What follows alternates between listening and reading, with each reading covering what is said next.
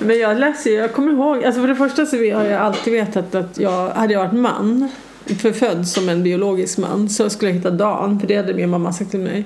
Men jag har också varit oerhört övertygad om att jag skulle vara snickare. Okej. Alltså det är bara där, det är min andra, andra alternativ. Det är inte så att jag skulle heta Dan och varit konstnär, det finns Nej. inte. Så att jag tror för mig att, att vara konstnär, det är, alltså, och också det att komma ut. Och, alltså jag kom ut när jag blev konstnär. Mm. Det är liksom, det är min komma ut. För det var där jag bröt på något sätt med en tradition i familjen och allt liksom. Sen att jag blev queer och det kom liksom, det var ja, den är ju ändå så. Den, Det är ändå så. Ja, det, nej men det är liksom, den är ju konst. Nej men det har liksom inte varit den stora kampen för mig var att bli konstnär.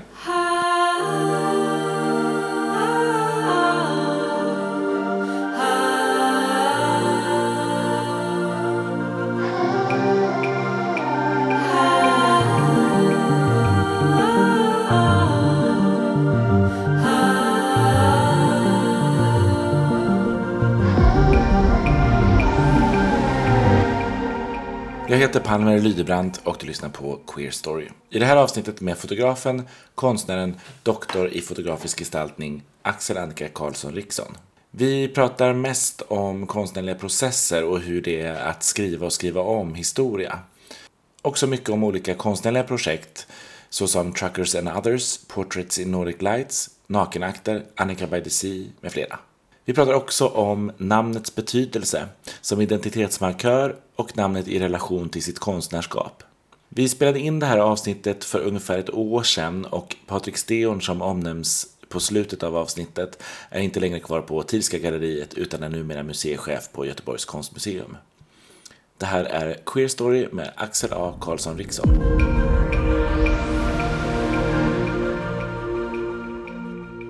Eh, jag heter eh, Axel Annika Karlsson Riksson och eh, jag är konstnär som jobbar med fotografi och har gjort det i väldigt många år på olika sätt. Mitt pronomen är den, men hen och hon funkar också.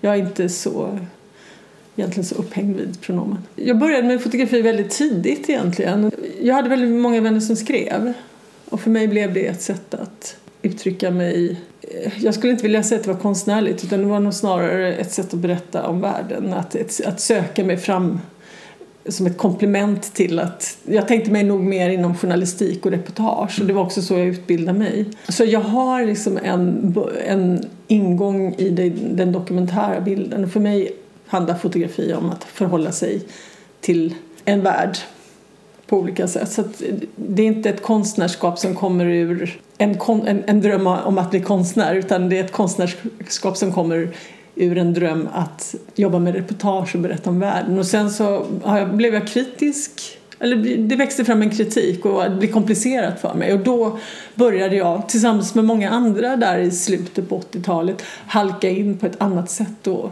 och förhålla mig till fotografi. Så Alltså kritisk mot fotografiformen? Ja, eller? ja, eller att kritisk till formatet att berätta om världen via den dokumentära bilden så som det gjordes på den tiden, eller så som det gör. Så det, och det, så det, men jag tycker fortfarande att det är, det är spännande att använda fotografi. Det är så viktigt för oss också. Så att jag, jag, jag brottas hela tiden med den problematiken. Det är en del av mitt konstnärskap. Och det är det som gör att jag också känner att jag kan bidra med någonting till den fotografiska och konstnärliga miljön. Liksom. Och vad består liksom kritiken av?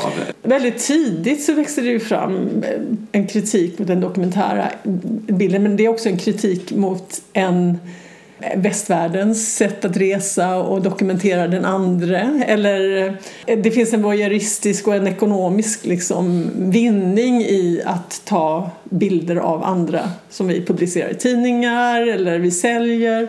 Vad jag kände när jag var ung, för vi fick ju massa sådana här uppgifter, kvinna på mansdominerad arbetsplats eh, eller vi skulle göra reportage, jag gjorde ett reportage om en man på eh, centralstationens väskinlämning.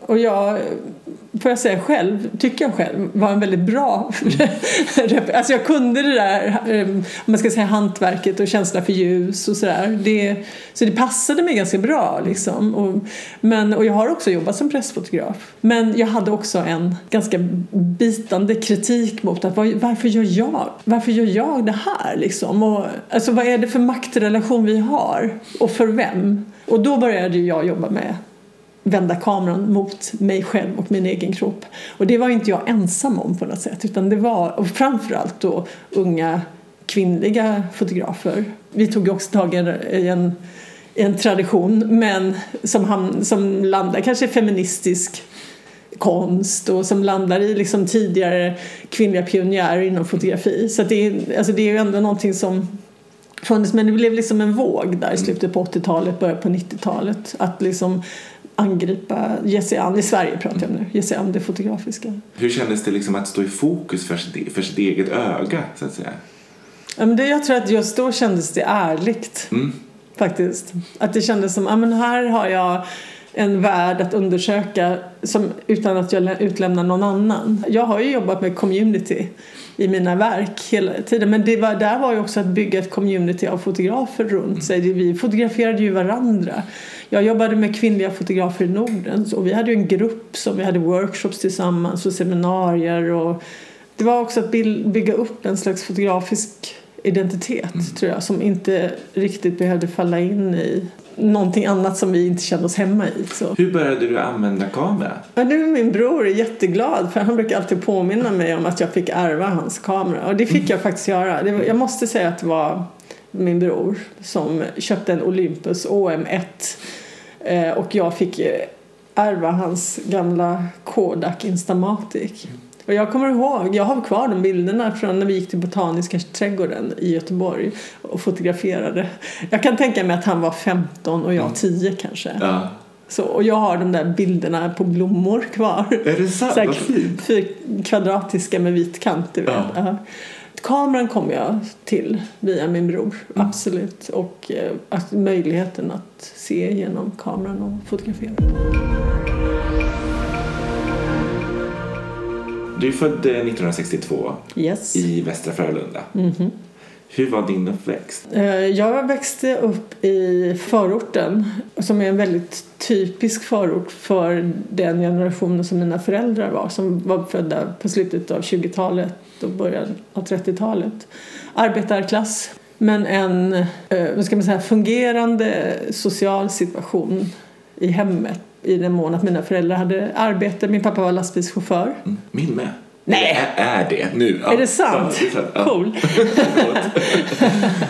ja, min pappa var lastbilschaufför. Eh, Min mamma jobbade på eh, Domus. Hon började jobba när jag var fem igen då och jobbade som med kläder men också till slut de stängde så att hon hamnade i kassan på Konsum de sista 15 åren kanske. Mina föräldrar är döda nu sedan några år tillbaka. Jag har en äldre bror som är fem år äldre mig. Jag har jobbat inom räddningstjänsten, nu pensionerad. Och han har tre döttrar som jag är faktiskt är ganska nära nu för tiden. På ett sätt komplicerad barndom i relation till den lilla flickan de tyckte jag var och till den personen som jag utvecklade så att känna att jag var själv så. Eh, Men eh, också en bra barn- barndom på många sätt faktiskt. Med en trygg familjesituation på många sätt. Kan du eh, liksom minnas något tillfälle när du eh, förstod att du inte var straight? Jag, lev, alltså jag var ju över 30 innan jag så att säga kom ut. Men jag har alltid attraherats till framförallt lesbiska Alltså i, som vänner och de miljöerna så har varit otroligt liksom så här, Och jag har haft tur också liksom. Framförallt när jag började på Nobels fotoskola. Det var ju jättemånga lesbiska där. Jag var tillsammans med en man i nio år och vi bodde tillsammans och här i Stockholm mest. Så att, men vi hade våra bästa vänner var, var lesbiska och och jag, jag vet inte. Jag, jag, alltså det, växer man upp i ett sånt arbetarhem, i en sån machokultur som jag faktiskt har gjort. För min pappa, alla hans bröder och min bror och mycket män i släkten och mycket homofobi och mycket rasism. Mm verkligen. Alltså, nu ska jag bara tillägga att så ser det inte ut längre Nej. alls med min bror. Alltså, han, han är en helt annan person än när han var ung. Men det var ju en annan kultur. Liksom. Mm. Men jag hade en mamma som eh, var uppvuxen i en annan typ. Min pappa kom från fattiga bönder faktiskt. Inte riktigt en arbetarklass utan det är någonting annat. Mm. Ett hårt hem. Både liksom ekonomiskt och, och hur, hur man var mot varandra. Så det, han var en väldigt hård mycket mjuk person men också väldigt hård och bar mycket på en sorg från sin barndom. Liksom. Mm. Men, eh, men min mamma, på något sätt så gifte hon ner sig faktiskt. Nu pratar vi, det här är ett jättelångt svar. Nej men det, det, är ändå, nej, men det handlar om liksom hur man ser på sig själv mm. tror jag. Mm. Nej, för, och också så handlar om varför jag också har kunnat göra det jag gör tror jag. För jag, hon, var en väldigt, hon var en läsande person. Hon kom från liksom en intellektuell arbetarklass. Eh, och en väldigt politisk. Min morfar var kommunist och han var arbetslös innan kriget och politiskt aktiv. Och, mm. Men jag menar, det, det, är en annan typ av arbetarklass. Mm. Liksom. Så att det, vi pratar så gärna om arbetarklassen och det är inte en grupp utan det är så väldigt mycket. Så att jag läste väldigt mycket. Mm. Eh, men min mamma, min mamma i sig var mycket mer öppen. Hon mm. kunde säga du jag läser Bang, hon var nog lesbisk. så. så liksom. Och hon pratade jättemycket om sin chef när hon var ung och jobbade på polis. Ja, han var ju fikus. Mm. Men det var liksom inget sådär negativt utan det var ganska förtjust liksom. Mm. Hon gillade honom och det var så spännande och kul liksom. Mm. Alltså, och hon Karl Gerhard liksom. Mm. För henne var det någonting som var öppet och möjligt liksom. Jag, var, jag har många vänner som säger att jag visste inte om att homosexualitet fanns mm. förrän jag flyttade till Stockholm. Jo, det visste jag om sen jag var ganska ung. Mm. Genom att läsa, genom bara ha den kommunikationen med min mamma. Så jag, för, jag förstod ju att studentkårens ordförande var en flata mm. när jag gick på Flatoskolan. Mm. Så, alltså, för, jag, för, alltså det fanns, men jag, det var ingenting jag såg som en att jag, alltså, men det var inte heller ett hot liksom. Det bara att mm, det fanns. Det fanns där liksom. Och när jag var tillsammans med Felix så, jag var androgyn då på 80-talet som vi sa. Jag kunde också, och kan också fortfarande vara ganska feminin, feminin i mina uttryck liksom. Men vi kunde ju liksom, det var ett tag när aids-epidemin kom och så, då kunde folk stå och skrika jävla bögar efter oss liksom. För vi var ungefär lika långa och såg ungefär likadana ut liksom. Och för mig var det, jag blev ju arg, mm. men jag blev också glad. Alltså det var någonting bekräftande i, i den där könsöverskridande liksom. Mm. Så sen, men när vi gjorde slut då efter många år mm, så var det bara liksom självklart för mig. Mm. Att nej men nu ska jag pröva det runt lite om man säger så. men, nej, men det var väldigt ganska självklart.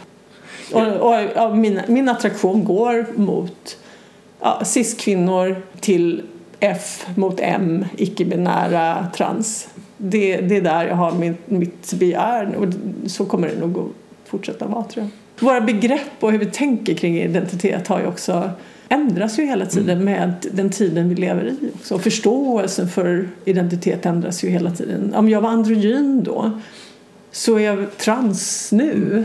Och egentligen så är det inte så stor skillnad men jag, jag landar ju på ett annat sätt för att inte jag ändras men tiden ändras ju också.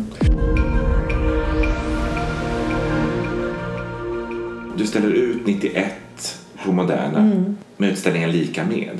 Mm. Vad handlade den om? Men det var en eh, samlingsutställning, ett nedslag i svensk fotografi. Och det var Irene Berggren som var curator som var var och fortfarande är en väldigt viktig person både för mig och för svensk fotografi. Så hon curatade den här utställningen och det var verkligen ett otroligt stort fält. Mm. Från allt till liksom reportagefotografi till reklamfotografi till konstfotografi av olika genrer. Så Ja, efter skolan så började vi jobba med den här gruppen då som samlades och det var då kvinn, kvinnliga fotografer i Norden som, och vår Stockholmssektion. Mm. Vi var väl kanske åtta, tio stycken som började ha workshops. Vi bjöd in, alltså vi hade Susanne Osten och Nancy och Karina och Helene Billgren. Ja, men det var liksom sådär, sådana där som vi tyckte var bra och, men också roliga kvinnor. Alltså det fanns ett, ett, ett mått av humor. Jag började också gå i terapi, jätteviktigt. Det var precis som det var bara lossnade någonting i mitt eh, kreativ... alltså jag hittade någonting mm. i mig själv. Och då, var, då tog jag de här första bilderna som är Ja, det var en hel massa olika bilder, men det, bland annat de här bilderna där jag kopierar in olika föremål på min kropp. Som en stor blomma med pistill i. Så. Och den, framförallt den blev utvald då och var med på den här utställningen. Och det blev som en Nej men det blev som en slags bombnedslag liksom. Jag fick fan hela uppslaget i Aftonbladet. min, liksom en, ett kvinnokön med en pistill. Alltså man undrar, skulle de kunna göra det idag liksom? Så, eh, jag fick jättemycket uppmärksamhet. Det var, Visst är äh, som är lite turkosa? Ja, precis. Ah. Och det är bara sex bilder egentligen och fyra av dem. Och det, det är inte digitala montage utan jag har faktiskt stått där med i mörkrummet och printat dem med flera olika, alltså att jag har haft ett negativ och tagit ut det och lagt på nästa i total mm. mörker och passat in det exakt. Och, så det är väldigt mycket hantverk mm. bakom de där bilderna. Men de kom ur en slags bara alltså, flöde av idéer i huvudet. Så. Men hur, hur var det då att liksom från ena dagen till den andra bara explosionsartat? Ja, ja. men det var lite, det var kul. Det var, jag kände på något sätt att ah, jag hade ju ingen relation till någonting konstvärlden. Alltså jag, jag tyckte om att gå på modern och så men det var ingenting jag tyckte var liksom att Alltså vi är ju den generationen då man säger kvinnliga fotografer kom fram men det är också då fotografiet började visas på ett annat sätt inom samtidskonsten mm. här i Sverige. Då, förut var det mycket, mycket mer en fastare fotografscen och så var det liksom konst. Och mm. konstnärer kunde jobba med fotografi. Det fanns ju flera men det var, ett, det var liksom en ganska stark skiljelinje mellan. Och den luckrades upp på ett annat sätt via min generations sätt att arbeta. Men också att vi lyftes in i de mm. sammanhangen. Så. Och för mig var det nog att jag, jag tror att jag kom till fotografi just för att jag var arbetarklass. Det var liksom ett försörjnings, det var liksom ett hantverk och någonting jag kunde försörja mig med. Och det, jag tror att det har varit vanligt för många fotografer att man gått in just för att det har varit en möjlig inkomst också. Men sen när jag upptäckte, ja, det kändes för mig kändes wow. Mm wow, liksom. här kan ju, här, här är mitt rum. Ja. Och samtidigt så kände jag, det här begriper alltså jag, det här, jag måste härifrån, kände jag också. Samtidigt, jag alltså kan i inte, konstvärlden? Ja, det blev för klaustrofobiskt för mig. Att jag kände, men jag måste lära mig mer. Jag blev jätteintresserad. Jag blev ju liksom inskriven i en feministisk diskurs som jag inte själv hade redskapen riktigt att kunna för, liksom diskutera men jag blev väldigt intresserad. Så det, det, jag började läsa feministisk teori med en gång liksom för att jag, wow. Alltså det, var ju, det var inte bara konstnärer, det var ju också en hel generation med konst. Om du tittar på våra museum nu och på våra konsthögskolor mm. vilka, flera av de personerna som sitter där eller gallerister så är det ju också kvinnor som kom in och sk började skriva, som arrangerade utställningar. Så vi pratar ofta bara om liksom konstnärerna. Mm. Men fältet var ju större än så och deras betydelse är ju verkligen avgörande för mig. Mm. Och jag har ofta också mycket mer associerat mig med kanske de som var teoretiker eller curators, kanske mer än den, de i min generation som jobbade med fotografi. Hur kändes det då? Det är ju liksom så fånigt begrepp det här över en natt men, mm. men eh, du förstår vad jag menar. Där. Ja, så här, helt plötsligt så bara eh, snackas det om en. Mm. Hur kändes det? Den här gruppen jag pratar om, vi kommer ju från Nordens fotskola. Jag var nog den som liksom tog största klivet in i konstvärlden och blev kvar där liksom. Mm. Men vi hade ju varandra. Eh, och sen också det, jag menar Annika von Hausfull, Lotta Antonsson, det var ju också en grupp som jag och Lotta kanske var de första på något sätt liksom. och sen kom ju liksom Annika, Maria Misenberg. Så det fanns ju liksom inte ensam. Jag, jag, det kunde nog jag tror det var ganska befriande för mig också att kunna hitta, alltså jag, hade väl, jag mådde väldigt dåligt under hela liksom min 20-årsålder mm. och det här var liksom tills jag började gå i terapi och började göra de här bilderna så jag tror också att det var ett sätt att hitta mig själv och mm. hitta mig, mig själv i världen. Alltså jag blev inläst i något den manliga blicken och alltså mediakritik och allt sådär men jag förhöll mig mycket mer då när jag gjorde dem till ett surrealistiskt språk och mm. de kom verkligen i, ur en berättar... Jag behövde prata om någonting. Mm. Så, och det är klart att alla de relaterade ju också till, till andra bilder och jag var ganska arg. Hur jag som läst som kvinna blev mottagen i världen med vad kroppen, hur kroppen hade... Alltså visst fanns det den där liksom yttre kommunikationen också men det var väldigt mycket ett, ett uttryck inifrån. Mm. På ett alltså jag fick upp ett intresse för någonting verkligen och samtidigt så kände jag att för mig var det väldigt viktigt att skaffa mig ett eget språk kring mina arbeten liksom, för att hitta för att kunna ta del i den diskussionen men också för att kunna formulera mina egna arbeten på ett sätt som, som jag kände funkade Mm. för mig och ett sätt att utveckla mina egna arbeten också. Sen så åker du eh, till amerikanska västkusten. Mm. Och när är det?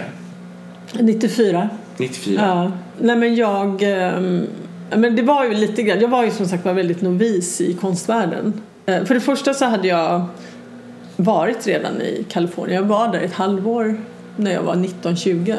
I, eller jag var i USA i nästan ett år men landade i Oakland. Och, men jag hade en väldigt stor dröm att få komma till USA faktiskt, eller komma tillbaka till USA. Jag började söka de här residency genom det som heter Jaspis nu, det heter Nunsku. Då. Och eh, jag hade nog fått ett arbetsstipendium. Alltså för mig var det så här, men Alltså, det var, det var, jag tror att det har de gått på konstskolor så var det kanske en del av Ja, så, så gör man som konstnär. Men för mig var det liksom att jag fick ett stipendium. Det var ju liksom guldpengar från himlen. Liksom. Jag förstod inte att jag skulle kunna få det. Det låter patetiskt liksom, men det var verkligen så. Och jag köpte min första dator för 40 000 spänn som hade liksom typ 260 megabyte eller något sånt där. Det var ju löjligt liksom. Jävla tröskverk. Och eh, ja, så det var, och, och, så jag fick liksom åka dit. Och då var det också i, att jag och Felix gjorde slut innan. Och det vi hade nog mer och mer en, en ganska syskonvänskap. Och det var nog dags, ja, det var verkligen det dags att separera liksom. Men jag tror att det blev också något som gjorde att jag kunde ta det steget liksom. Så jag hamnade på Headland Center for the Arts utanför San Francisco i ett halvår och hade en ateljé där men jag hade också en bil. Så jag var mer inne på klubbar kan jag väl erkänna nu. I San Francisco än vad jag gjorde konst den tiden. Eh, ja, nej men det var ju bara liksom öppningen till himmelriket på många sätt. Jättejobbigt också. Ja, det, var, det, var, det var som ett stort eh, hål bara som öppnade sig med både möjligheter men väldigt skrämmande. Att jag hade lämnat den trygga personen som jag hade varit med men också att ta sitt eget liv, på ans- eh, ta ansvar för sitt liv på något sätt. Jag känner hur jag bara satt där i bilen och spelade liksom Patti Smith Horses och i den här dimman och foghorns och bara Oh my god! liksom. Livet! Och så när jag hade varit där, det var fem månader, sen åkte jag hem och började söka och kom in på CalArts. Och då åkte du direkt tillbaka? Nej, det tog ju ett år liksom. Och, och då var det också så här, jag, har- ja, jag får leva på studielån och leva i ateljén liksom. Så, men eh, då ringde Ola Billgren. Bara det att Ola Billgren ringer mig var ju så här, jag behåller honom så Det var stort liksom. Men och så att jag hade eh, fått Eds, Edstrandska stipendiet. Mm. Oh, gud, jag börjar nästan gråta när jag tänker på. Ja. Nej men det var så stort liksom. Ja. Jag fick ett stipendium på 250 000. Visste du om att det fanns? Det? Nej, ingen aning. Herregud. Jag måste eh, torka mina tårar. Ja. Jag fick pengar ifrån Edstrandska och det var liksom, ah, jag, jag kan göra det här. Jag kommer att klara mig. Så. Så, då, ja, men, så det var ju bara att packa ihop och dra. Liksom. Jag flyttade och jag, en kompis eh, bodde i lägenheten och jag blev kvar i lite över fyra år. Ut- Utbildningen var två år. Och jag älskade det. Fram- Fram, alltså mer och mer. Sådär. Men åkte tillbaks för att, ja, det var bara så här, vi skulle bara, då hade jag, varit, då hade jag och eh, Colin en relation. Och vi skulle, då skulle hon, hängde hon med till Sverige. Och eh, jag var tvungen att flytta min lägenhet för den skulle renoveras men jag fick också erbjudande att, vara, eh, att vicka för Tuija Lindström som skulle ta ett tjänstledigt ett år på Fotohögskolan. Så då tänkte jag, ja men vad bra, då kan jag åka. För jag hade ju inget visum längre. Det, var ju, det är ju så att eh, jag var ju queer liksom. Så att jag, jag, jag och Colin kunde ju inte få uppehållstillstånd. Jag kunde inte få uppehållstillstånd för att jag hade en relation mm. i USA. Utan var tvungen att fixa det på något annat sätt. Och då var jag tvungen att åka hem och söka. Så jag tänkte jag får börja söka liksom eh, konstnärsvisum och, så att vi kan åka tillbaks. Mm. Och hon kunde ju få visum i Sverige för att vi hade ju en annan lagstiftning liksom, som gjorde att... Eh, ja, för när är det här? Det här är 99. Ja, men så vi kunde ju vara i Sverige. Mm. Så det var lite sådär att vi åker. Men sen hände massa saker här. Mm.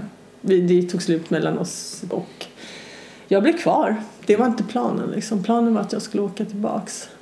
Men det var också någonting att jag kände att hur fantastiskt det än var i Kalifornien så kändes det viktigt för mig att vara i Sverige för det kändes att jag kunde Alltså det, är en enorm frihet att kunna vara i en annan kultur och ett annat sammanhang där man faktiskt inte riktigt är så involverad. Så man, mm. man, kan vara lite nomadisk och flytta lite ovanpå.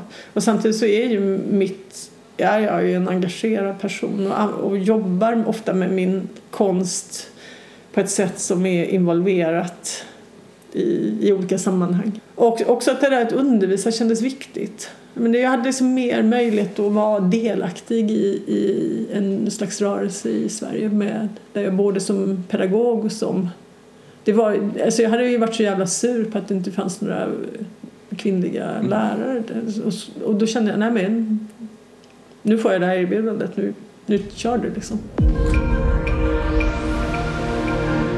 Jag tänker vi går in lite på de olika projekten. Mm. Truckers and others. Mm. Vad handlar det om?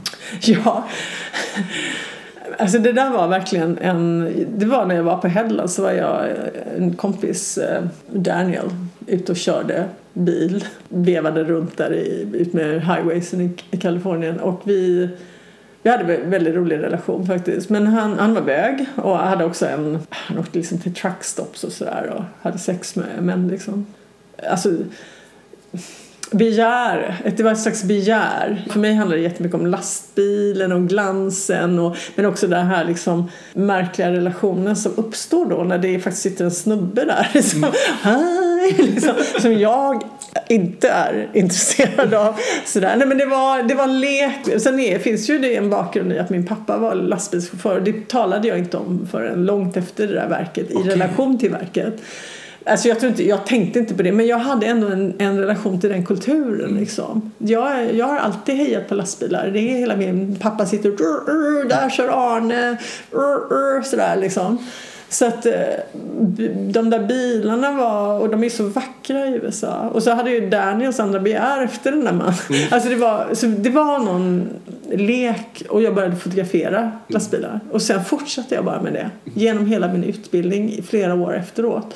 Det är ju lastbilar från sidan. Mm. Snapshots, liksom små. Jag har liksom 1700 eller sånt där tror jag. Som jag har samlat ihop. Wow. Och så eh, färgkoordinerar jag dem. Och så hade jag en utställning på jag ställde ut dem lite här och där men jag hade en utställning på Andreas Brännström här i Stockholm då. Och de fick också då väldigt stor uppmärksamhet liksom. Mm. Jag själv otroligt förtjust i de där verken. För det är, en sån, det är ett sånt lustfyllt verk mm. för mig som handlar om hela Kalifornien. Men också blicken och makt, utbyte av maktpositioner med liksom det är lastbilen mot kameran på något mm. sätt. Sådär. Så det, men det finns någonting väldigt queert i dem också. Och jag stått camp, mm. alltså med eh, lacken och färgerna. Och sen började jag åka ut på lastbils alltså på truckstopsen och fotografera bara lacken och landskapet som speglade sig i lacken med stor format och stod där och putsade liksom de här. Och då kom ofta lastbilschaufförerna ut och de var så här, det var inte så här, why do you photograph my truck? Utan det var hey come back tomorrow I need to wash her. liksom, det var her. Så, så det. det. var, ja, det var så intressant. Liksom. Visst det blir en stolthet också. Ja, att, att ja och ja, det är någonting kring begär i de där, jag är inte jätteformulerad kring det men det är det handlar om ett queert begär i, i dem också. Som också kopplas ihop med men också kolliderar med andra typer av begär. Mm. Liksom. För jag har ju tagit dem, de där första verket då när jag kört, när vi har kört förbi lastbilar liksom. Det är ett starkt begär. Mm. Alltså det är inte sådär nu, nu är jag tjej som jag då identifierade mig som då, att, som kör förbi de här och tar en bild. Alltså jag tror det är lätt att läsa dem så utan det är så mycket annat på spel med blickar och utbyten och, och begär efter någonting. Men det är också någonting jag jobbar med. Begär har ju funnits med men också det här med innanför och utanförskap. Mm. I, eller inte så, men innan, positioner av innanför och utanför. Mm. Och gemenskap och community. Det Mm. återkommer ju hela tiden i mitt arbete. Och, jag- alltså, jag hade ju liftat med lastbilar. Mm. Alltså inte lifta, jag ställde mig inte på, på vägen utan min pappa ordnade ju så jag kunde dra till Stockholm. Då åkte jag ju med olika lastbilschaufförer upp liksom, för det var gratis. Men det är också ett, ett begär där jag väldigt ofta blir placerad tillbaks i en position av att vara en kvinna. Och, Ah. och där, det är också det där skavet som jag har jobbat med det där verket. Liksom, att det är, ah, jag begär det här objektet, du är kvinna. Alltså, jag, får, jag fick ju den där flörten tillbaks när jag märkte fan han. Alltså, det är inte dig jag tittar på, jag tittar på din lastbil. Så, eh, och att det blir något, alltså, ja, det är någonting där som finns. Men också då, klass är ju är så väldigt närvarande i det där verket. Som, det är också en klassresa jag har gjort. Så att den där mannen i lastbilen, det är ju också min bakgrund liksom. Det är ju därifrån jag kommer. Och jag leker ju med det också. Jag leker ju med den där mannen och hans attribut liksom. Med mitt attribut som är kameran. Jag har ju också en, en apparat liksom. Men det var väldigt viktigt för mig att inte lämna ut enskilda individer utan det är liksom en slags kategorisering. Jag jobbar i färg. Alltså, jag lyfter ju bort personer väldigt starkt i verket genom att kategorisera dem och färgordna dem och bygga staplar av dem. Och, och statistik gjorde jag. Med, alltså med gula staplar, röda staplar, vit var en hel vägg. Liksom. Så att det, det finns någonting i det där att vara eh, könad i en machokultur. Och som blir så väldigt tydlig i det mötet. Portraits in Nordic Light. Ja, Det handlar ju också väldigt mycket om eh, liksom community innanför Mm. utanför liksom det. Kan du inte berätta lite om, om det arbetet? Ja, ja, alltså Truckers är ju community utifrån och Nordic Light är community inifrån kan man säga. Jag kände mig för det första att börja med oerhört provocerad av att alltid blev infackad i, som kvinnlig konstnär på olika utställningar och sådär liksom. Ehm, Och det känns, kändes inte då, det känns fortfarande inte så aktuellt att jag är en person som hellre problematiserar än manifesterar på det sättet. Men jag tycker att manifestationen är viktig också. Representation är viktigt. Eh, Men vi måste också problematisera vad det betyder. Liksom. Vi kan inte bara sitta och kna- knacka varandra på ryggen och tycka att nu ska vi... Det är i alla fall inte jag. Jo, det kan vi göra. Men jag som min roll som kulturkommunikatör kan inte göra det. Som konstnär liksom. Eh, Och det blir inte spännande heller. Så, men, men jag blev då inbjuden till en utställning med kvinnliga konstnärer och den skulle stå i relation till, det var en grupputställning och den skulle, med nordiska konstnärer och den skulle stå i relation till förra sekelskiftet för vi närmade oss 2000, millenniumskiftet och så det var liksom, de skulle ställa ut konstnärer som jobbade kring 1900-talets 1800-talets slut och 1900-talets början och så bjöd de in konstnärer från samtiden då. Och jag först var "Ah, gud. Jag tänkte okej, jag, jag tittar på det. Så, så jag sa ja.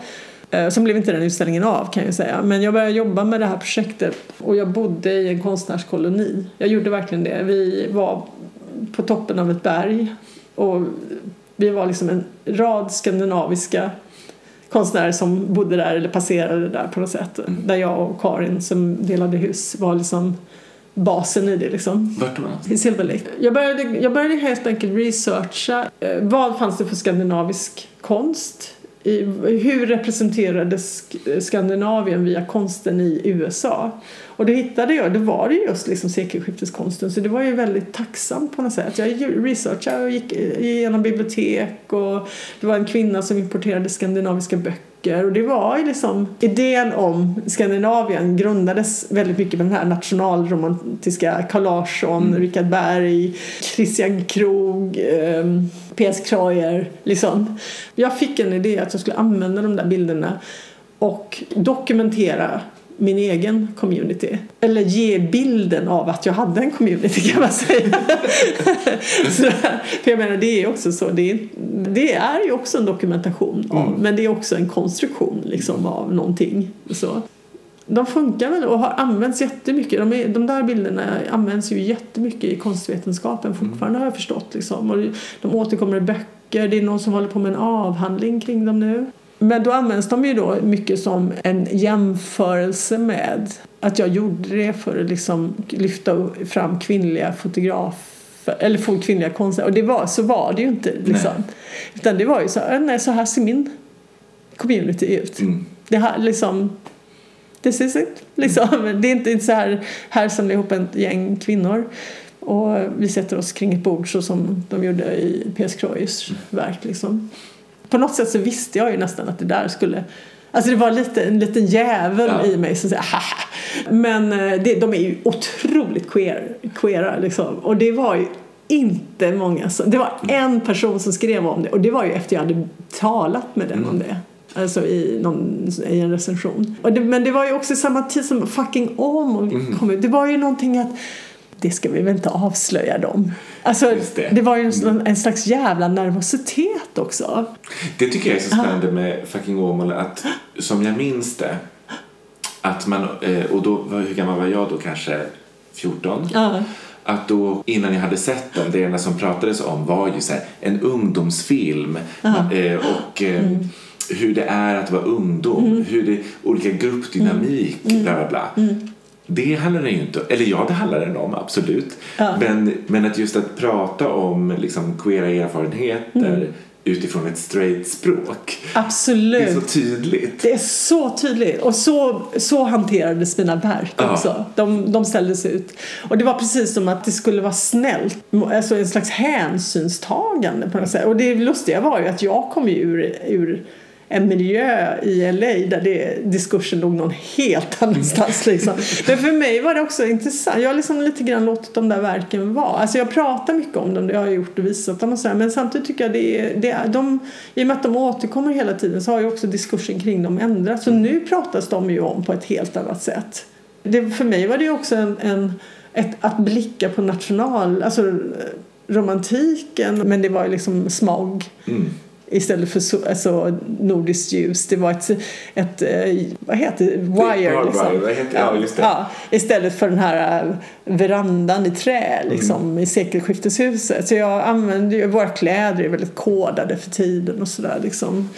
Eh, Så det, det var, jag, jag, både, jag lekte och drev, alltså det är mycket lek i mina arbeten. Men det var ju också en dokumentation av en tid i, i mitt liv och en, en tid på en plats. Men det är också väldigt intressant hur de liksom har malts igenom olika typer av diskurser som är väldigt kopplade till diskursen just nu liksom, i samhället. Såklart, det speglas mot det. Ja, det bespeglas mot det. Och, och nu, har de, nu får de lov att vara queera. Mm. Det är ju fint, äntligen.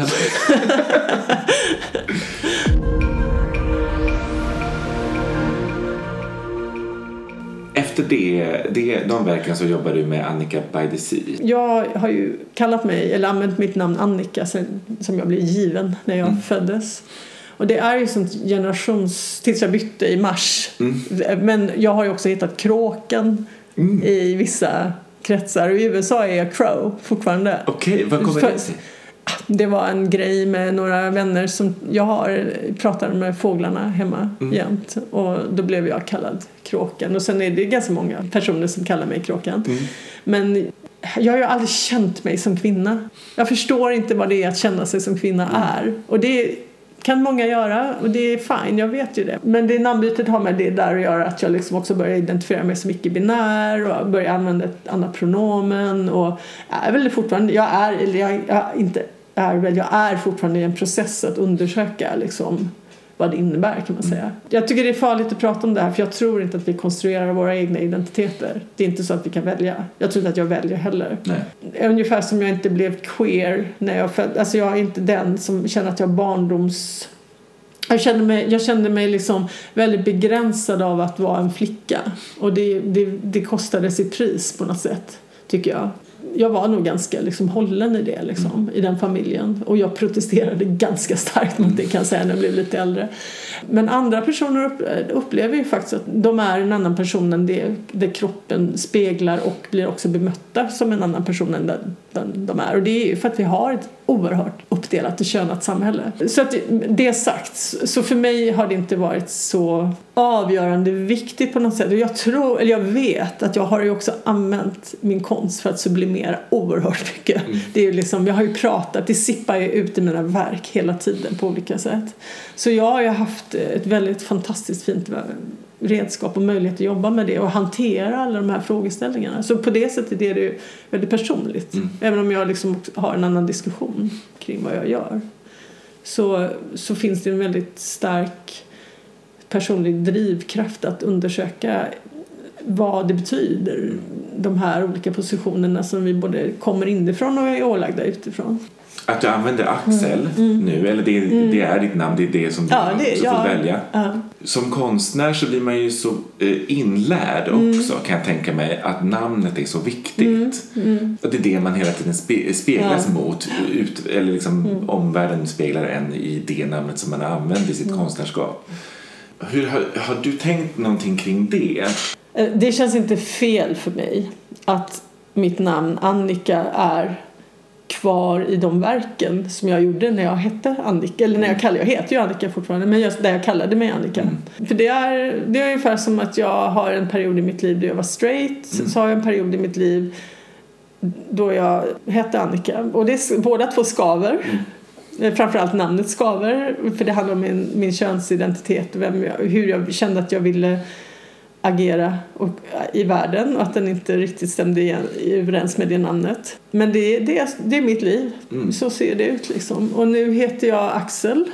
Jag heter Axel Annika och jag använder det mer än vad jag tror att jag skulle använda det och det är för att Axel är ett maskulint namn. Eh, och det kan man ju tänka, vad fan valde du det för? Och när jag ser det ibland när skrivet så kan jag säga, men vad är det för en gubbe? Liksom. Ja, just det! Det är jag! men jag känner när jag säger det så sitter det som smäcket. Och, och det sitter för andra personer. När jag kallar mig Kråkan, då, det var svårt för många. Men Axel, det är precis som det bara sitter. Mm. Det är så självklart på något sätt. Men eh, som konstnär så börjar jag bara droppa mitt förnamn. Mm. Jag kallar mig, alltså när jag ställer ut och så nu, då är det Karlsson Riksson. Mm. Och sen säger folk fel. Det gör de ju. Det är mm. Min familj säger fel hela tiden och mina vänner säger fel. Och det tar ju lite tid att lära sig. Liksom. Ja, det är svårt att säga det där med, med vad ett namn sätter sig. Liksom. Jag bytte jättesnabbt. Mm. Jag hade gått och funderat jättelänge. Jag hade massa namn och så bara jag går i terapi. För ena gången sa jag jag vet inte hur jag ska göra. Och andra gången, ja, jag har bytt. Mm. Jaha, jag har skickat in till Skattemyndigheten och allting. så det gick väldigt så här bara, boom. Uh-huh. Och, men som sagt jag heter Axel Annika och det känns ganska bra att heta, ha kvar det namnet. För då, det lägger mig i, i mer en flytande skala liksom, mm. där jag känner mig att jag, att jag, att jag hör hemma. Det blev sju Annikor vid havet. Det är ju en generation av konstnärer och konstarbetare på olika sätt där det är liksom Annika. Annika Lundgren kom till LA för att hälsa på en annan svensk konstnär. Och då hade hon varit i New York för hon hade varit på Annika Ströms utställning där. Och men sen åkte jag till New York typ en månad efter för jag skulle gå på Annika von Hausholz utställning så, och på samma galleri. Så det, alltså, så det blev sådär liksom, jag tog en bild på Annika Lundgren men den var liksom en del av Portrait in Nordic Light och hade en mm. referens till en, en, bild. Men i alla fall, men jag flyttade hem då, för att jag skulle börja undervisa och då var Annika Örn rektor på Valand och jag var professor på Fotohögskolan, eller vikarierande för Tuja, professorn. Och sen så jobbade jag på, samtidigt parallellt på Konstfack men då jobbade Annika Eriksson där och blev min kollega. Så det var liksom bara, alla dessa här Annikorna bara svämmade över mig liksom. Då sökte jag pengar via Göteborgs universitet och gjorde ett konstnärligt utvecklingsarbete kallades det då, som ett forskningsprojekt som jag kallade det Annika vid havet eller Annika by the sea. Och då åkte jag till olika hav där de här Annikorna var för tillfället. Jag hade ju redan Annika från eh, Stilla havet Nej men förresten, jag var i New York så mötte jag Annika Larsson också. Just det, för hon bodde där då. Så det var ytterligare en Annika.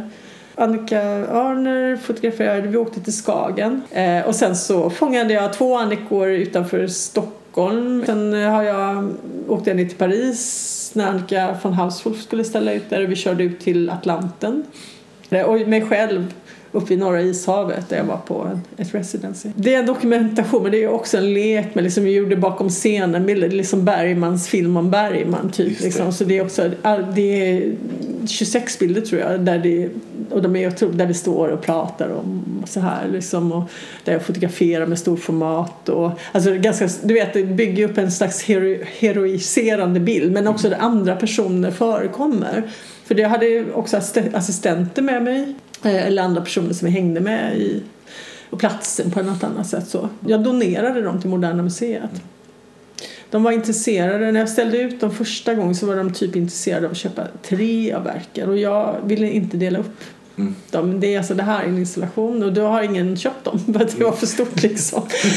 Så jag skrev faktiskt ett mejl och frågade jag skulle vilja donera det här verket till Moderna för att jag vill att det ska finnas på en, i en, på en institution och då tog de emot det. Mm. En annan aspekt i som återkommer i mina verk handlar ju om historieskrivning. Mm.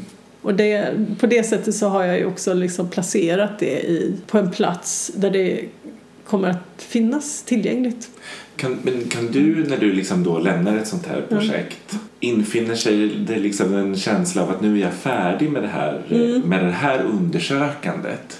Mitt arbete i Ryssland är ju absolut en utkomst av det arbetet. Mm. Hur hamnade du i Sankt Petersburg och började jobba i Ryssland? Men det, då hade jag ju blivit doktorand inom konstnärlig forskning och fotografi framförallt, fotografisk gestaltning. Jag var adjungerad professor och hade masterutbildningen och så var det faktiskt de första doktorandtjänsterna i fotografi som utlystes på min egen institution. Mhm.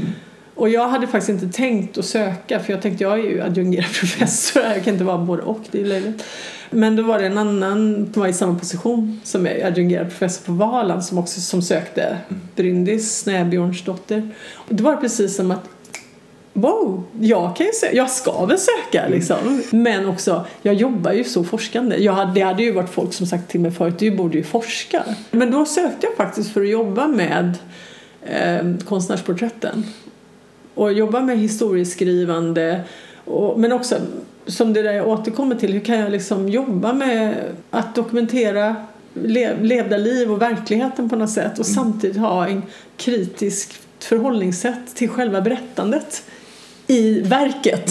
Hur kan jag gestalta på ett sätt så att jag förmedlar en osäkerhet eller ett glapp eller en, att- det inte blir den självklara upplevelsen på något sätt. Och det kan man ju göra på många sätt. Man kan göra det genom att med, alltså med humor eller med referenser eller med rent fysiskt får åskådaren att röra sig i ett verk liksom. Så det började jag jobba med. Men alltså jag blev ju kvar i 12 år innan jag blev doktorerade.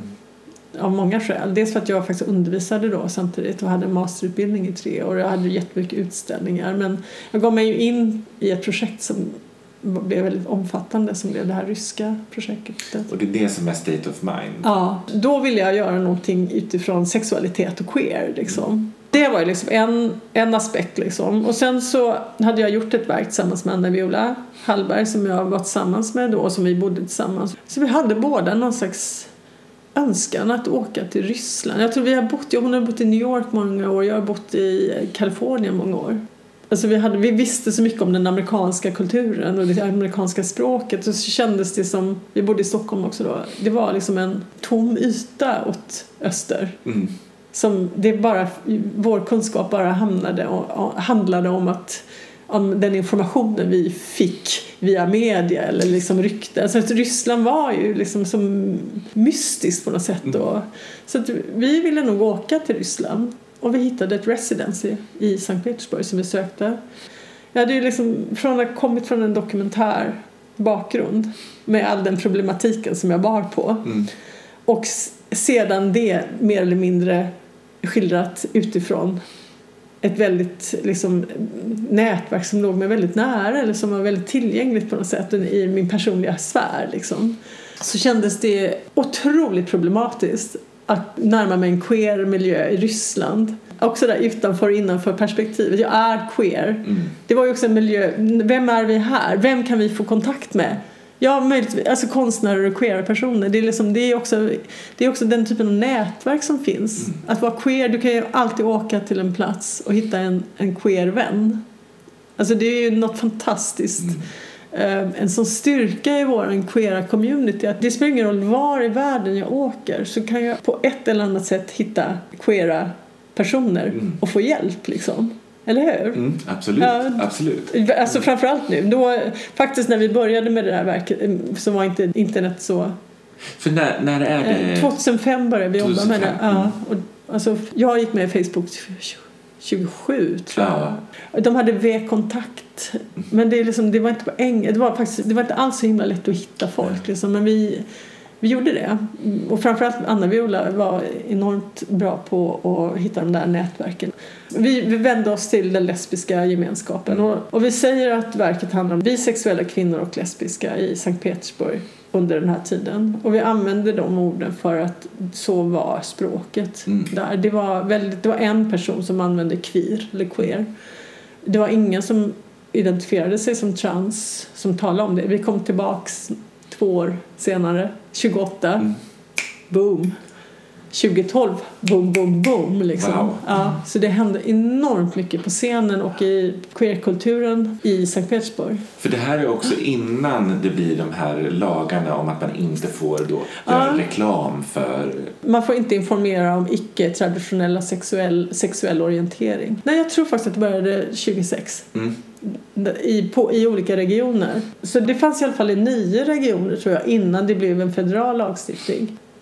Vi var inte ens säkra på att vi skulle göra ett verk, vi visste inte om vi skulle göra en film, ingenting. Alltså det enda vi visste det var liksom, gör vi någonting så måste vi kunna ta tillbaks det och visa det här. Mm. Det var det enda kriteriet vi hade satt upp. När vi ställde ut i, i Vitryssland, i, i Minsk, då var det vissa som inte ville vara med. Och så vi har liksom tagit, lyft ut fler, vissa porträtt.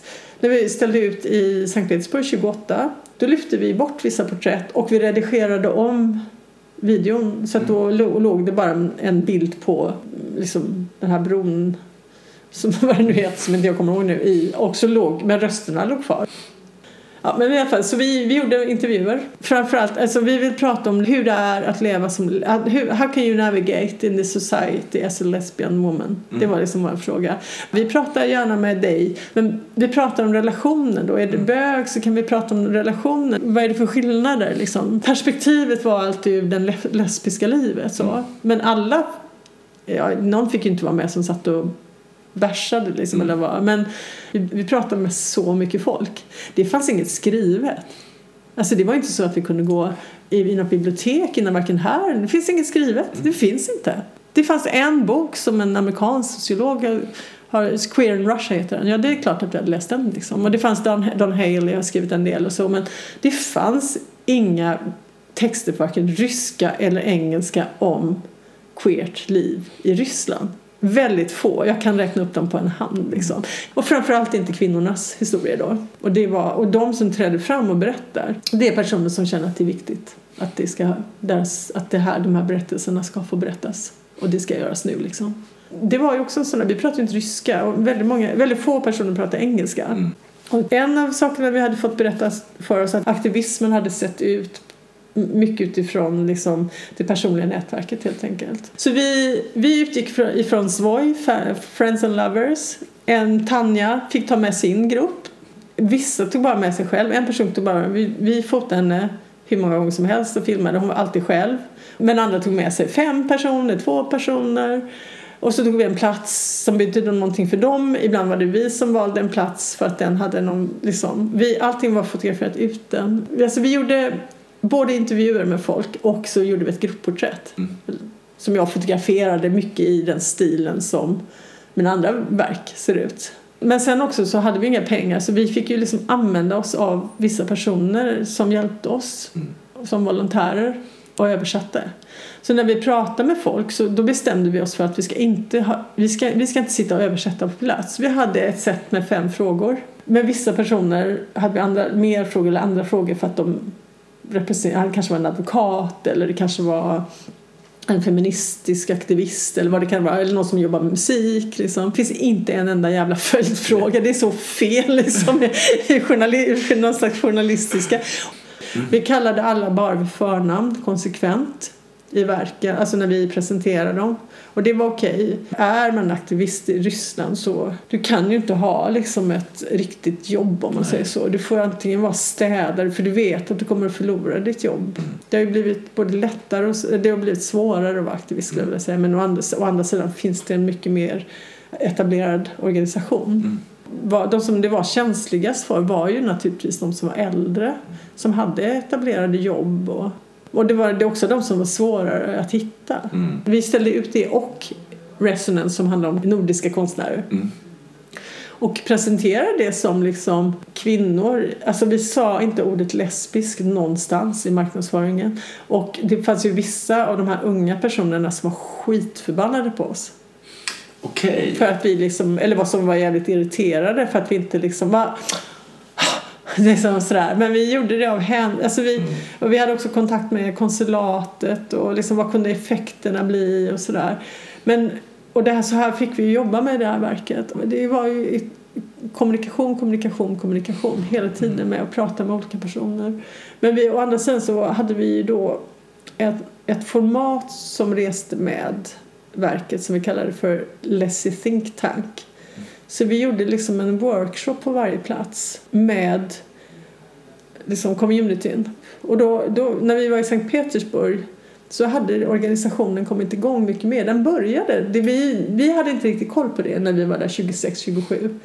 Vi visste att det fanns någon så här Russian LGBT Network online. Och det, Coming Out Sankt Petersburg etablerades ja, 28 tror jag samtidigt som vi och de, de blev första hbtq organisationer som kunde registrera sig som organisation i Ryssland. Eller 29 tror jag de mm, vi ställde ut 28. Det är det som är kul för flera av de som blev, blev eh, liksom engagerade i den organisationen kom in i det via vårt verk. Alltså Paulina som är, varit ordförande där, hon, hon var jätteviktig för oss. Så för henne att jobba med oss, med, med vårt verk, var ju också att hon fick kontakt med den ryska aktivismen på plats. Liksom.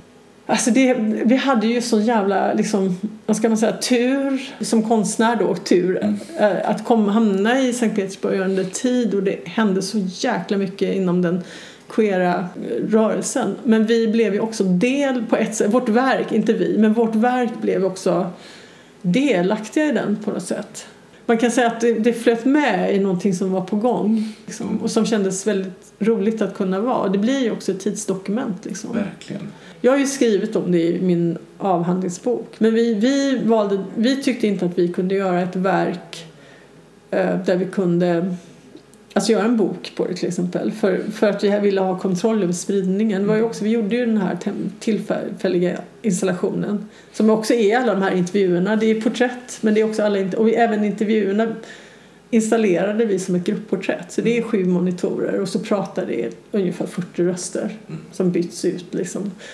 Verket kräver ju en typ av engagemang som du kan välja att stiga in eller hålla dig utanför. Alltså, så det är hela tiden liksom, vem är du? Vem är du? Om, vem blir du när du stiger in i det här verket? Hur påverkar det dig liksom? Vad händer med dig om du är på den här platsen och ser de här bildfotografierna på kvinnor i, i Sankt Petersburg som du tycker, ja vad fina, de är jättefina, de är gulliga liksom. Och de sitter där, men det är inga liksom så här eh, porträtt som där folk kysser varandra eller som är queera. Så blir det så, och det tyckte också många unga. Men, äh, kan inte... så- Inte visa liksom. Kör på lite nu liksom.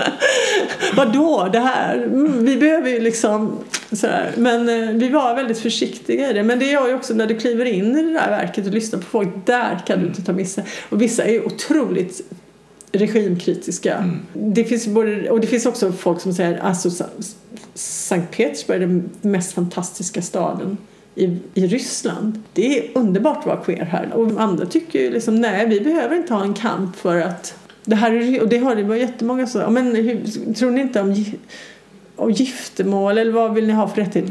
This is Russia.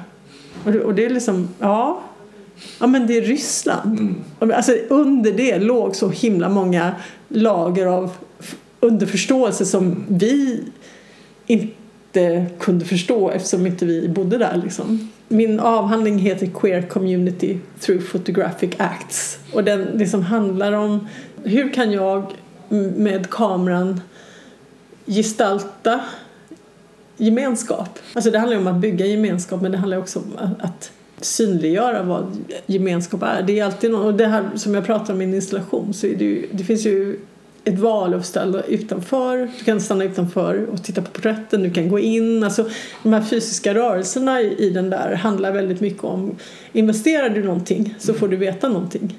Gör du inte den investeringen så kommer du också att vara kvar utanför. Och då är den fotografiska akten är ju inte bara klick klicket liksom, utan det är att det fotografiska arbetet. Mm. Alltså investeringen i att jobba med det här projektet, hur vi har arbetat med det efteråt, de berättelserna som förs vidare utan vår kontroll liksom.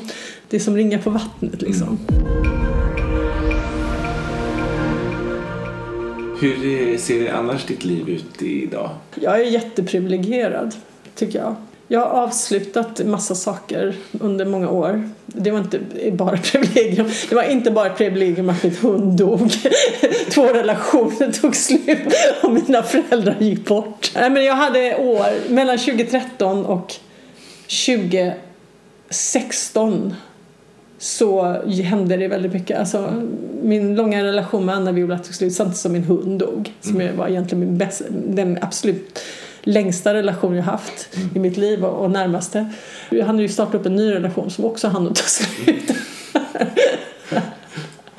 Nej, men också att eh, mina föräldrar gick bort. Och det innebar mycket närvaro på vägen där. Jag var, hade lång, stor distans till mina föräldrar många år för att jag behövde ha det för att kunna göra mitt, min resa.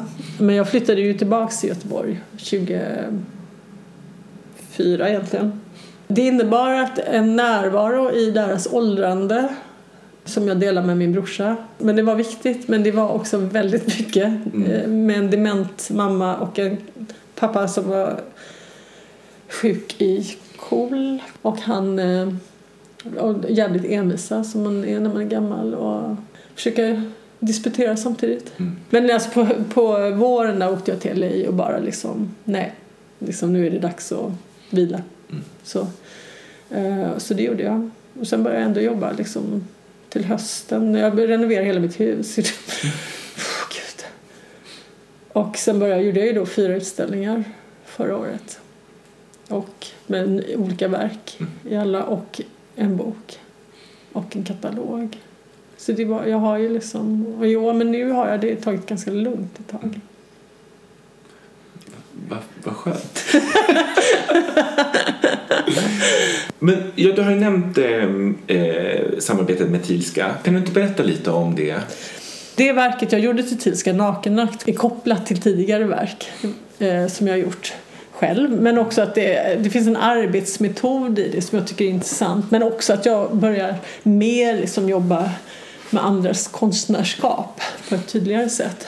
Nakenakter hette hela utställningen och det är liksom taget från mitt verk. Mitt verk är en serie på jag tror det är 36 bilder, 35-36 bilder på, som egentligen är självporträtt där jag och en annan konstnär som heter Marfjäll agerar framför kameran. Och Mar förhåller sig till min nakna kropp. Ja, det är vad vi säger, det är nakenakter mm. med nakna kroppar. Jag är usel på att läsa teori, jag är usel på att gå på föreläsningar för jag får så jävla mycket idéer. så det, det är liksom för mig bara, jag sitter och antecknar så här frenetiskt ofta. Jag läste in mycket teori kring mitt när jag doktorerade.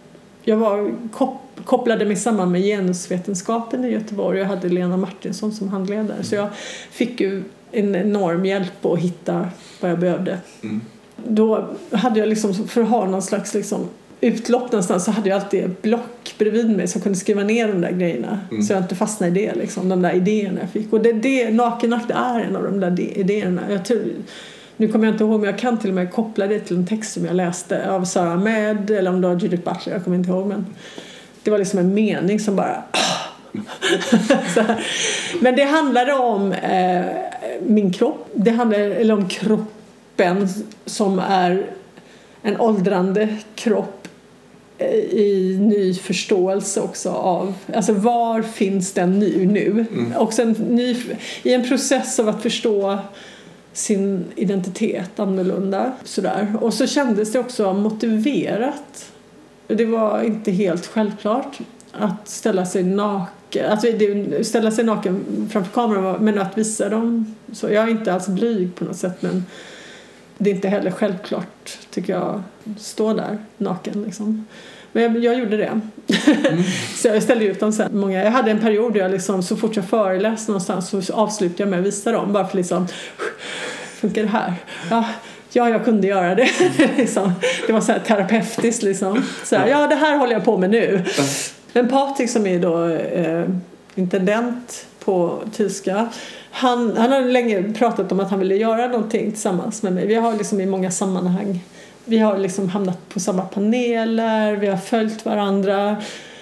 Och, eh, och så hade vi ett möte 2016 precis efter jag hade varit på ett residence i Frankrike och fotograferat de där bilderna. Och han pratade om att ja, men jag vill ju liksom gärna att du ska förhålla dig till samlingarna på något sätt. Han började prata om Zorns etsningar och jag sa ja men jag har gjort dem här nu. Ja, ah, han bara fan liksom. Mm. Men vi måste ställa ut dem 2018 för då är det Europride här. Och jag sa ah, fan ska jag vänta så länge? Jag ska hålla på dem. Okej, okay. mm, mm, okej okay då liksom. Uh, så att jag lovade liksom dem på något sätt till, utställningen. Och så, mm. han ville gärna jobba med Zorns etsningar. Jag tyckte också att de hade någon ja, så vi gick väl in ner där och grävde i arkivet och det var ju skitkul alltså. Vi, de har liksom 260 blad från wow. så, av deras samling på 900 objekt i hela Tilska. Så det är en väldigt stor del av samlingen. Och jag var ju väldigt skeptisk för jag ville ju helst inte jobba med Zorn först. Alltså den här diskursen kring den manliga blicken kan ju, alltså att vi, vi har en patriarkal blick helt enkelt och att, att det är vissa vissa röster och blickar som styr.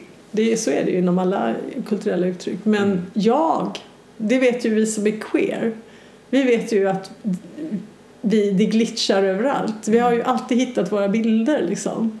Och vi har ju alltid fått vårt begär tillfredsställt för att vi läser annorlunda. Vi kan få lov, vi gör det liksom. Samma tänk, bilder läser vi annorlunda. Ja, exakt. Vi tittar mm. på andra bilder. Alltså Patrik har ju jobbat mycket med det mm. i visningssammanhang liksom. Och, eh, andra, Vito Rossi hette väl som gjorde det här, eh, skrev om hela Hollywood-filmhistorien och hittade queera. Och Bettina Rosenberg har skrivit om det. Så jag menar, och alla vet ju om det. Blickens begär kan absolut tillfredsställas. Du läser, du tittar, du hittar det där liksom. Mm.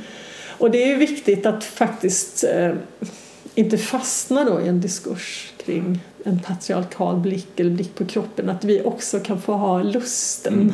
Likväl som i de där, mina verk, det är en lek som Mario och jag genomför. En allvarlig lek med kroppar som är performativ. Och då tänkte jag, jag går in, nu fläskar jag loss här med Zorns etsningar. Och ganska snabbt så plockade jag bara ut tre teman. Det är den lesbiska gemenskapen, det är farligt begär och det är fotografi. För att han jobbade ju utifrån, han fotograferade ju mm. och sen målade han. Alltså, eller de här etsningarna är gjorda från fotografiska förlagor. Alla de finns jag ska inte säga alla. Alltså etsningen ligger väldigt nära, alltså formatet och allting ligger väldigt nära det svartvita fotografiet mm. någonstans. Mycket mer än när, det, när han målade. Så det fanns liksom en koppling till fotografi. Alltså det fanns ju vissa som man kunde hitta en slags mörk ton i. Det kan vara en skugga som föll över eller som, där det, det blir någonting farligt. Mm. De blir inte så oskyldiga de här kullorna liksom. Mm. Och framförallt då etsningen där svärtan blir så djup liksom. Det blir inte en lätt skugga, det blir en blåslaget öga mm. ungefär liksom. Men också alla de här glada kullorna som badar och håller varandra i hand och vandrar omkring och, och man tänker bara på, på liksom Zorns uh, gubb sjuka mm. har vi pratat om. Men vi kan ju också se deras gemenskap och skit i så liksom. Mm. För ett ögonblick liksom. se vad som händer mellan de här. Och jag möter de här lustfyllda blickarna. Och det blev då den lesbiska gemenskapen. Men jag tyckte då, jag hade hela tiden från det början känt att det ska finnas en tredje komponent i utställningen. Och då tänkte jag att jag ska ha, jobba med någon annan yngre konstnär. om jag nu grävde i ett arkiv och, och öppnade en dörr åt det hållet så ville jag också öppna en dörr åt andra hållet Mm. och jobba med.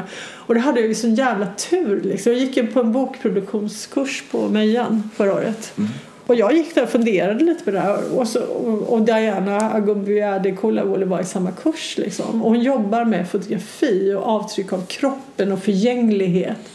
Och jag liksom såg inte det tills det bara en dag liksom Ja men herregud liksom. Mm. Hon är ju här liksom.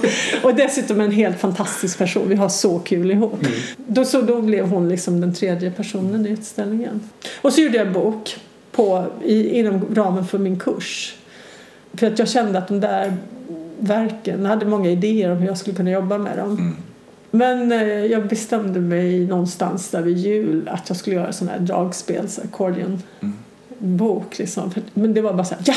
Jag tror jag var på en sån här jul, du vet, Gamla stan med så här älgar och änglar man kan ställa upp i fönstret. Och eh, tyckte att det liksom var Ja, men vad fint, för då kan det både vara en bok men kan, man kan också ställa upp det som en... Alltså det, man behåller utställningsformatet. Mm. Man kan ställa upp den på. Men då hade, det fanns ju en annan sida där. Baksidan. Och jag hade redan pratat med Mara Li innan. Jag sa, skulle inte du vilja skriva någonting? Och då, alltså då presenterade jag, hon såg bilderna. Eh, Jag sa, du behöver absolut inte, titeln är nakenakt. Du, behöver, du kan förhålla dig, jag, skriv självständigt, jag är intresserad av din röst. Mm. Och då tänkte hon på det och sa ja, liksom, för då fick hon andra sidan Mm. av boken. Och det fick också vara ett självständigt verk. Liksom. Hon hade sin sida av boken, jag har. Det är liksom Nakenakt Mara Li, Nakenakt Karlsson Riksson. Mm. Hon skrev en jättefin text, men också som är, provocerar mig. Alltså. Det var jobbigt att läsa den. För att hon skriver mycket om kvinnokroppen. Mm. Och för mig var det ett varv att liksom acceptera hennes text i relation till att se de där bilderna på mig själv och min, mitt det kvinnliga uttryck som min kropp har och förstå att texten var hennes, den handlar inte om mig. Den, den, kan, den förhöll sig till den kroppen som hon ser i bilderna.